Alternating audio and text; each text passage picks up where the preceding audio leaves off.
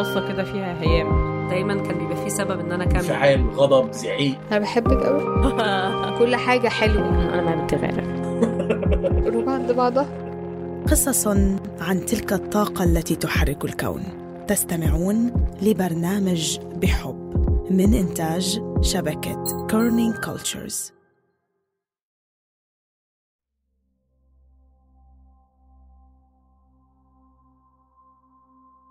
كان حلمها تطير تتنقل بالجو. كانت تتسمع على قصص جارتها لما تزورن. قصص عن رحلاتها وأسفارها عن جو الشغل والبلدان يلي عم تزورها. كبر الحلم معها. ولما صار عمرها 18 سنة إلا شهرين دل الكون على غفلة على إعلان بالجريدة. عم يفتحوا فيه باب التقديم لأكثر وظيفة بتحبها. راحت وقدمت من دون ما يعرفوا أهلها. وانقبلت. سمعتوا صوت كندا. كندا رح تحكي لنا اليوم قصة شخصية بلشت من فكرة شو يعني المسيرة المهنية عند النساء. شو بتعني لهم؟ وكيف بتشكلهم؟ وبتأثر على مسارات حياتهم؟ كان عندها فضول بإنها تستكشف وين بكونوا عاطفيا لما يوصلوا لمرحلة لازم يتقاعدوا أو يوقفوا شغل سواء قسريا أو بخيار شخصي. أم كندا كانت مضيفة طيران وأول إشي خطر على بالي لما حكت لي هاي المعلومة هو صديقتي اللي كمان بتشتغل بمجال الخدمة والضيافة في الجو. تذكرت جملة حكت لي إياها وأثرت فيي كتير وهي إنه لما اختارت هالمهنة اختارتها تحديدا لما حست إنه الأرض مش كتير وسعتها أو بالأحرى لما حست إنه الأرض مش مكان قادرة تعتبره وطن. بترككم مع كندا وضيوفها ريم ونصيرة.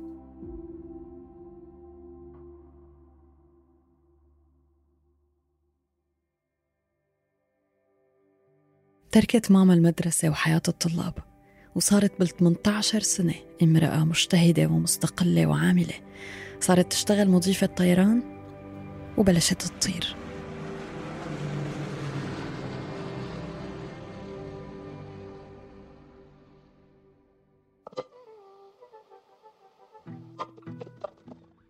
نحن هلأ بالسبعينات. كان عند ريم حلم تكون مضيفة طيران مثل ماما بس لسبب ما لعبت الأقدار بمصيرها ما بعرف ما بعرف كيف اجت الفكرة. هيك كنت حابة مضيفة الطيران إنه ممكن عشان بضلني أتنقل من مكان لمكان. وكمان كنت حابة أكون عارضة أزياء. كمان أبوي كان خياط ستاتي بنابلس. ف يعني هدول الشغلتين كنت حاببتهم كتير. بعدين بعرف كيف صار فكرة الطب إنه أدرس طب. أقنعها أبوها تعمل طب أطفال لأن لازم حدا بالعيلة يطلع طبيب. سجلت على هذا الأساس وكان لازم تسافر على روسيا تدرس لغة. لكن تغيير طب الأطفال ليصير طب أسنان كان بسبب ربحي يلي كان مسؤول تجمع الطلاب اللي إجوا بمنح من فلسطين على موسكو وهو كمان كان طالب بكلية الحقوق. فكرت ألاقي زلمة كبير بالعمر بستناني لقيت هالشاب الأمور شعراته هيك مكنفشات كتير وخشنين كتير. وعينيه صغار كتير. آه، تفاجأت يعني فكنت بالأول اختيار أنا. بعدين لما شفته شاب يعني أكيد انبسطت طبعا. فقعدوا شوي دردشوا واقتنعت بالفكرة. لما بلشت تدرس طب الأسنان وتتعمق أكثر حبت هذا المجال. وكانت تشعر أنه أخذت من البداية القرار الصحيح مثل ماما. وتماما على عكس نصيرة يلي من البداية كان مشوش موضوع شو بدها تكون.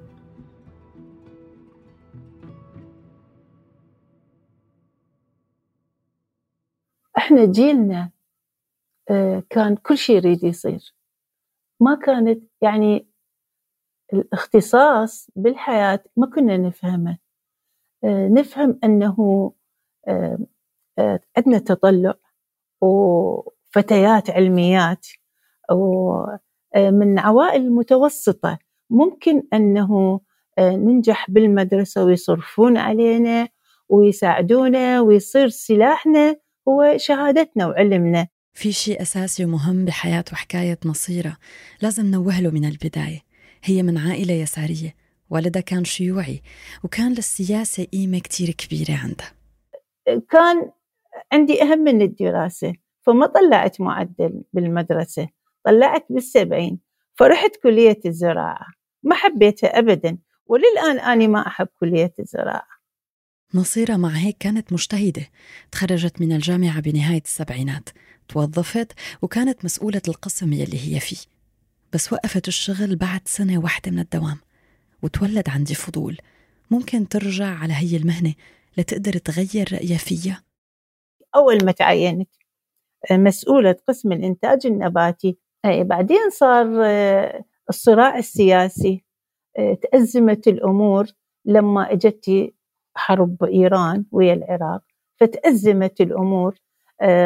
كان اللي يحكم نظام البعث وإحنا معارضين للبعث. فاضطريت أن أترك عملي بالدائرة وقفت نصيرة بيوم وليلة. تقاعد كان قصري لأن تركت الشغل تحت الضغط بما أنه كان نشاطها السياسي معلن. طلعت هي وزوجها على اليمن الديمقراطي آنذاك. كانت الدولة الشيوعية الوحيدة بالعالم العربي. وكان يطلق عليها بالفترة بين 67 لل 70 جمهورية اليمن الجنوبية الشعبية وبعدين صار جمهورية اليمن الديمقراطية الشعبية. المهم طلعوا خوفا على حالهم بسبب الملاحقات الأمنية والفوضى يلي سادت. على سيرة الفوضى قالت لي ماما كان المهم بالنسبة لهم ضبط الطائرة حتى ما يصير في فوضى.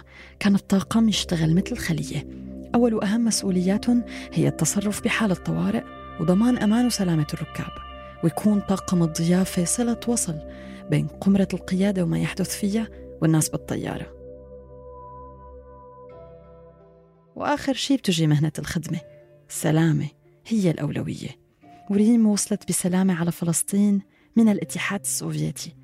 تزوجت هي وربحي وتدربت وكونت خبرة وبلشت تفكر تفتح عيادة برام الله. البداية مع ريم لم تخلو من الصعوبات. طبعا شعرت كتير بالخوف أولها لأنه لحالي بدي أكون بدي أعطي إبرة لحالي قرار أنا بدي أخذه لأنه التشخيص أنا لازم أسويه لحالي. عيادة ريم كانت بنص البلد كانت رابع طبيبة بالمنطقة. كان عليها ديون بالبداية ما كان حدا بيعرفها. يعني قالت لي من شخص لشخص صار في دعاية على المكان وهيك انعرفت كتير هي والعيادة. الخوف شعور إنساني وطبيعي ومو دايما عكسنا. وبتخيل أي مهنة ممكن تكون مصحوبة بهذا الشعور. وعن هذا الشعور بالذات سألت ماما إن كانت تصير مواقف تخوفها وإن ببداية العمل. وفعلا حكت لي عن أحداث كانت تصير معهم بالأجواء تستدعي كتير خوف. مثل مرة لما دواليب الطيارة ما فتحوا أثناء الهبوط ورجع أقلع الطيار بكل سلاسة. بس كان لازم الناس ما تعرف بشو عم يصير. ضبطت ماما وزملاء الجو كاملا وبعدها مشي الحال وهبطت الطيارة بأمان. حكت لي كيف كل مرة كان لازم تضبط وتستوعب هذا الخوف حتى يخف وما يكون هو الشعور يلي بلازمها إذا صار مشكلة. لأن كان لازم تتصرف بسرعة وانضباط وهدوء. صفات ما عندها إياهم بطبيعة الحال بالإضافة للخفة والإنسيابية. بتشبه كتير روح نصيرة وظرافتها أثناء الحديث. الخوف عند نصيرة ما كان وارد وبعد عبور خطر وهروب من العراق. إذا بتتذكروا لأن كان الوضع بخوف وكانوا ملاحقين. وصلت هي وزوجها على اليمن وقررت على الفور أنه تشتغل وتعطي المهنة يلي ما كملتها يمكن. فرصة جديدة.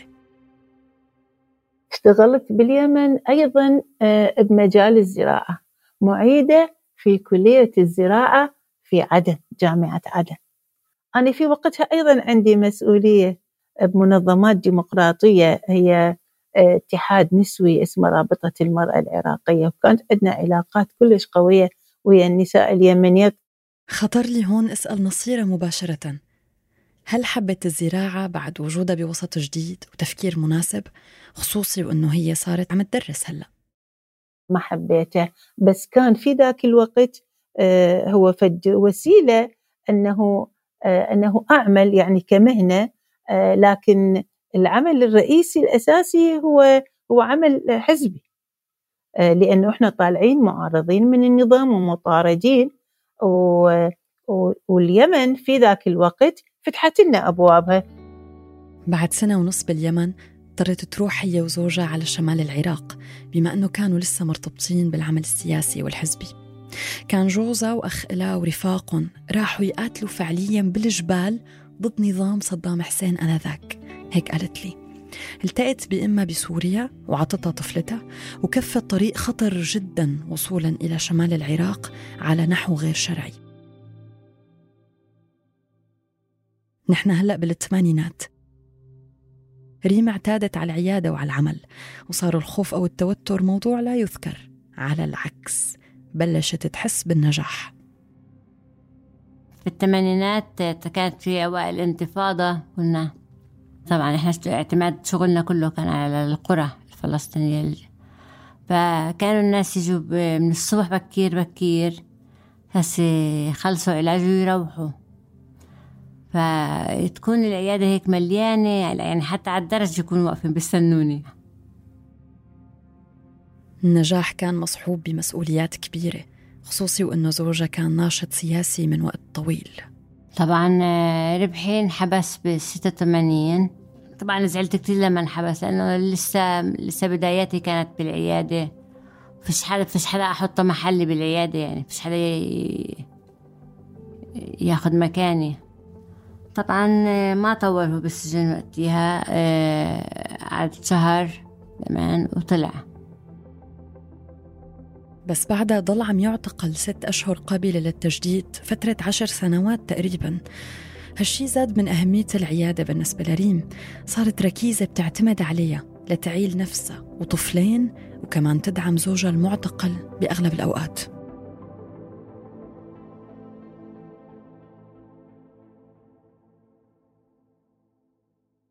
جزء من شخصيتي صارت المهنة هاي.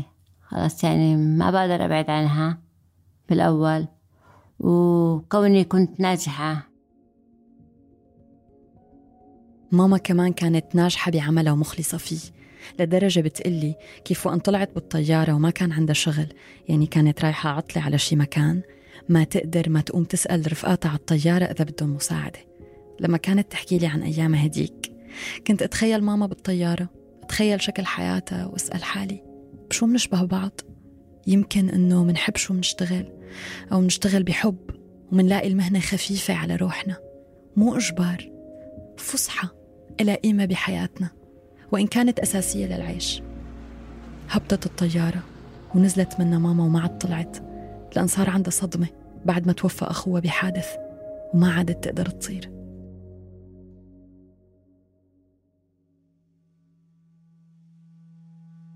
هبوط مصيرها كمان كان اضطراري تحت تأثير صدمة. كان سقوط حر من الجبل يلي ضلت فيه هي وزوجها وأخوانها ورفاقها تقريبا سنتين فورا على الأرض. والخبطة عاطفيا كانت بتوجع. عمليا رجعت من شمال العراق نزولا باتجاه بغداد. حينها قررت تترك العمل الحزبي. رجعت من شمال العراق وأني محبطة. كانت عودتي يعني آه، عودة بها بها ألم كبير لأن زوجي استشهد وأخوي استشهد. فأنا يعني بعد ما تحملت البقاء آه، وكانت السلطة تطاردنا وتتفق ويا أي واحد في سبيل أنه آه، يأذينا رجعت لبغداد متخفية. وصلت بغداد بنتي ما كانت تعرفني لأن أنا تاركتها أكثر من سنتين. لكن أكو فد contact بيناتنا بحيث هي تشوفني تشبه لي وأنا أشبه لها. فتجي يعني فد مشاعر لحد أنا أتذكرها. والدتي الله يرحمها قاعدة. أه فبعدين شوية وجدتي علي. جدتي وقفت يمي تباوعني. اي فصار الحضن مالتي وتلاقاني ماما. و بس بقيت أني متخفية ببيتي بيت أهلي طبعا.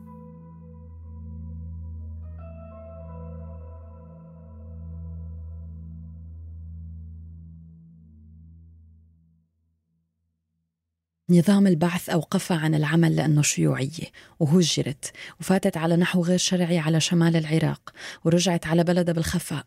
ما عاد قدرت تتخفى أكتر من هيك. صار لها أشهر عم تطلع بعباية إذا اضطرت وأغلب الوقت بتقضيه جوا. بس هي الشخصية ما فينا تعيش بالعتمة. وبعد ما عرفت مصيرها شوي وقبل ما تكمل لي حكايتها كنت متأكدة إنه رح تعمل شيء هذا هم تحدي آخر. اشتغلت في آخر دار تنظيمات حزب البعث. إيه، هاي آه، أنا منطقتي لو آه، يسموها يسموها الحارثية. شارعنا اسمه شارع الكندي.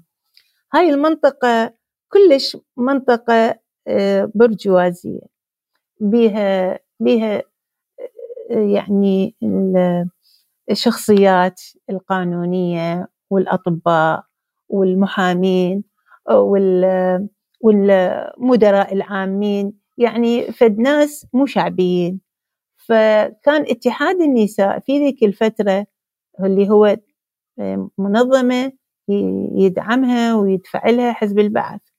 فأنا في يوم من الأيام طالعة شارع الكندي أشوف كاتبين لافتة محتاجين خياطة.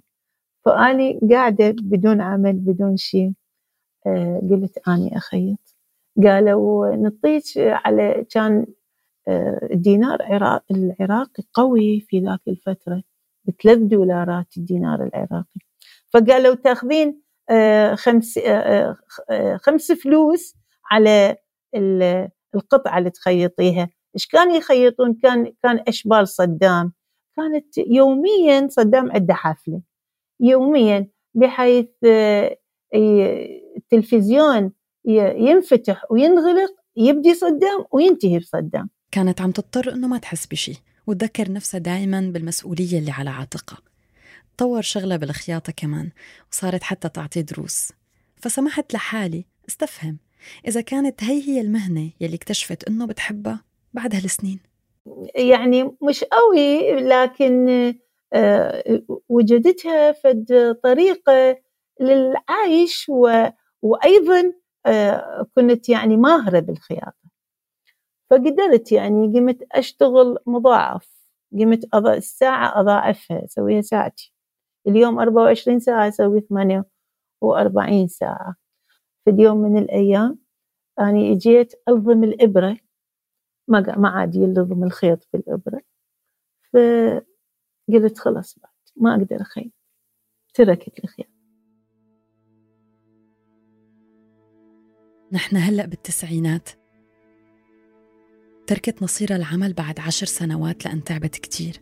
أما توفت من الغصة وكل شي صار وازدادت المسؤوليات على نصيرة وصارت تفكر شو لازم تعمل.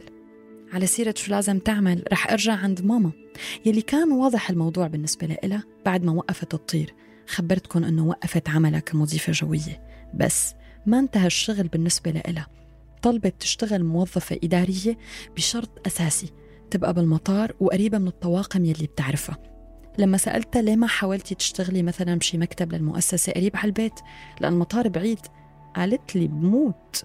ماما مثل سمكة طلعتيها من المي. الفكرة لحالها مو واردة عندي. أنا ما فيني بلا المطار بلا الطريق ورفقاتي والشغل. مجرد شوف طيارات عم تطير بحس إني منيحة. الجو كله جوي. المكان على القدر نفسه من الأهمية بالنسبة لريم. ومع الزمن صارت عيادتها عالم موازي إلها. وملجأ وملاذ ومساحة ونس وعافية وبتطلع دائما شخصية مختلفة فيها لما تكون بالعيادة صح ريم؟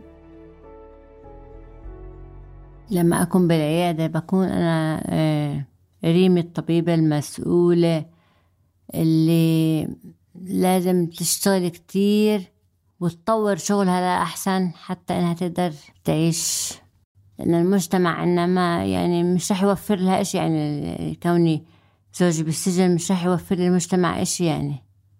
الشغل بالنسبة لإلي كان هو حياتي التانية بالذات بالتسعينات. يعني كان طب في شغلي في التسعينات. آه كنت كتير أحب المهنة أحب الجراحة. حتى كانوا يجوا عندي طلاب يتدربوا على فكرة كمان نصيرة صار عندها طلاب إيه لقيت عمل واشتغلت فورا وكمان بعقر دار البعث. لأنه للأسف ما في مهرب ولازم تشتغل. صرت معلمة معلمة ابتدائي. كان عندنا كان عندنا التعليم مغلق. ماكو معلم يصير مبعثي زين طيب أنا شلون؟ أنا بمنطقتي. أه وإحنا عائلة شيوعية معروفة وأنا بمنطقتي. وأني نصيرة مفصولة من دائرتي. بس طبعا مو كان العمل أه هيجي نزل علي من السماء ولا أني رحت راجعت وقبلوني لا ما ممكن. بواسطة من أصدقاء مقربين مؤثرين بوزارة التربية. خطر لي ارجع عيد سؤالي المفضل لما نصيرة تمتهن مهنة جديدة وتخبرني عنها. وحتى هي صارت تفهم علي لما بدي أسألها هذا السؤال. ابتسامتها بتسبق أي شيء تاني. لما تحس إنه أنا رح أقول لها نصيرة حبيتي هي المهنة؟ بقي ما حبيت. طبعا أنا طلعت من هاي المهنة ها آه الغدة الدرقية مالتي آه التهبت وراحت قمت آخذ ثيروكسين. أنا هسه آخذ ثيروكسين آه كمرض مزمن يعني. يوميا خمسة وسبعة. أنا شغلي سياسة. كملت سنوات العمل ولكن كمان مرة انتهى الشغل ومو بقراره. على فكرة جملة بتقولها نصيرة أحلى بكتير. ما أني وقفت شغلي هم وقفوني في يوم من الأيام.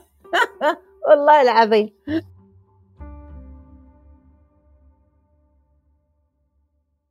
في يوم من الأيام فعلا كان في ضغط كمان مرة أنه هي مو بعثية وهالشي معروف ولازم تصير بعثية. بيوم وليلة وبأعجوبة تركت الشغل لأن خافت على حياتها وكان في تهديد مباشر. نحن صرنا بالألفينات وبعد حدث جلل بتاريخ المنطقة وسقوط بغداد وجدت نصيرة نفسها من جديد وبعد دورة كاملة أمام أول مهنة توظفت فيها وما قدرت تكفي فيها. أنا رجعت للخدمة سنة 2003 بعد يعني بعد أيام من سقوط النظام. رأسا أخذت كتاب تعييني ها ورحت للوزارة مالتي. قلت أني هيجي أنا هيجي وياي صار. وترى أنا من عوائل الشهداء. زين؟ وأني مفصولة. آه سواء طلعوا كتاب فصل ما طلعوا. لكن أني هددوني وطلعت تركت الخدمة ورجعت رئيس مهندسين وأملت بشغف لأنه أنا كنت محتاجة إلى إلى إلى أن أكون إنسانة عاملة. نصيرة اشتغلت كم سنة وكانت عم تقترب من سن التقاعد.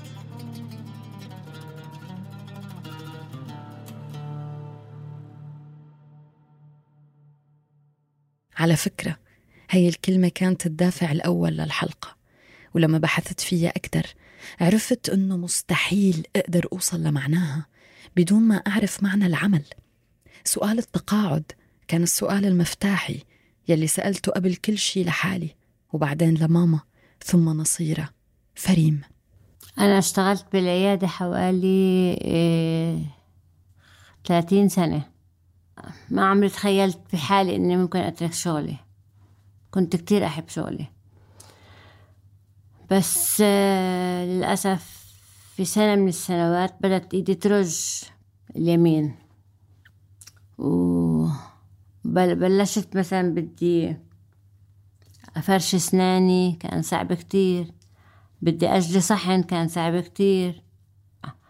طلعت على عمان رحت عند طبيبة روسية. هي حكت لي خلال الفحص هي يعني طبعا في إشارات محددة للباركنسون قالت لي أنت عندك باركنسون. بعد ما قلت ثقتي بنفسي طبعا من المرض جبت طبيبة تشتغل مكاني. آه، صرت أحس إنه خلص لازم أتقاعد. كان صعب جدا. يعني حتى في قبل أسبوعين كنت أقول لحالي ليش أنا بعت العيادة؟ لو إني ضليت كان لسه على الأقلية بضلني أروح وأجي على المكان. بتذكر لما كنت طفلة ومثل إني نايمة لشوف ماما عم تلبس بعدين تحركش بالمطبخ وتطلع. لما كبرت صرت فيق معها ونفطر سوا بعدين أنا على المدرسة وهي على الدوام. لحد وقت صرت أشتغل وهي كمان عم تشتغل. بعدين سافرت وهي تقاعدت. شو يعني توقفي شغل؟ شو حسيتي ولا شو فقدتي بعد أربعين سنة من العمل المتواصل؟ سألتها. قالت لي كان الموضوع بخوف. قبل ما تتقاعد بشوي صارت تخفف دوام. هي اللي ما كانت تاخد إجازة إلا للشديد القوي. وحاولت تتقاوم تروح على آخر يوم عمل. بالأخير راحت. شافت رفقاتها فطروا سوا جولت بالمكان بعدين طلبت تاكسي لترجع على البيت. ومثل الأفلام. طلعت فيه دارت وشها لورا. وشافت من ورا الإزاز المطار عم يبعد وسيارة عم تمشي وشريط حياتها عم يمرق قدامها بهذا المكان من وقت كانت صبية. وهداك يوم وهاد يوم أبدا ما عاد راحت. ومع هيك قالت لي مثل ما قالت ريم الحالة ما بتدوم طويلا. هذا الفقد بيصير أكيد لأن عشرة عمر وحياة وأحداث وصحبة وناس ناس عم تكبر سوا. بس بالنهاية بحاجة يرتاحوا. وهن أصلا متعودين على الحركة فما فينهم يكونوا بحالة ثبات. دايما عندهم شي يشغلهم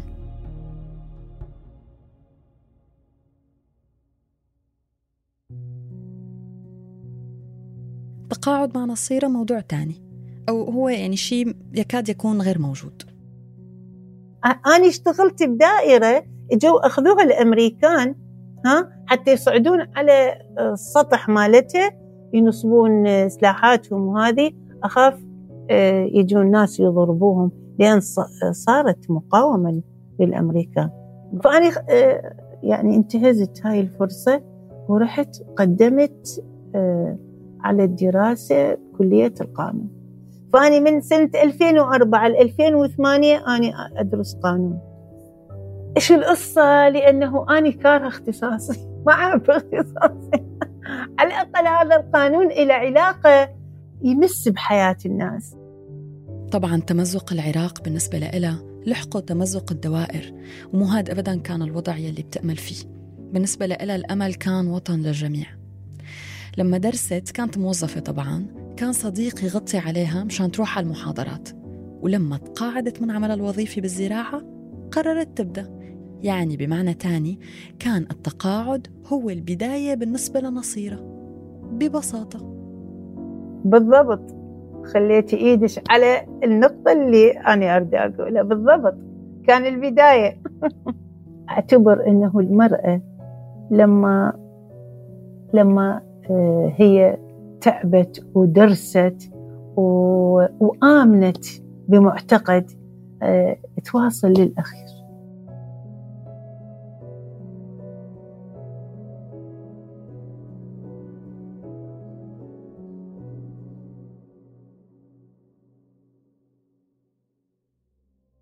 حلقة اليوم من إنتاج كندا يوسف ومن تحريري أنا شهد بن عودة بدعم تحريري من الفريق العربي.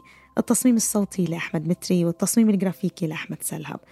كل الشكر لضيفات هاي الحلقة نصيرة القيسي وريم سعيد الزاغة. هاي الحلقة كمان إهداء لوالدة كندا وكمان إهداء لكل امرأة اشتغلت وأعطت سنين من عمرها من أجل مهنة أو عمل أو أي وظيفة وبعدين انجبرت تتخلى عن عملها قسرا برنامج بحب من إنتاج شبكة Kerning Cultures ما تنسوا تشاركوا هاي الحلقة مع الأصدقاء والأحباب. إذا حبيتوها كمان ما تنسوا إنكم تتركوا لنا رأيكم وتقييمكم لأنه الرأي والتقييم بيساعد إنه الناس تلاقينا على منصات بودكاست أكتر. ودايما بنذكركم إنه بتقدروا تدعموا هذا البرنامج عبر منصة Patreon patreon.com slash cultures بمبلغ ابتداء من دولارين بالشهر. بلاقيكم بحلقة جديدة من بحب الأسبوع الجاي. باي باي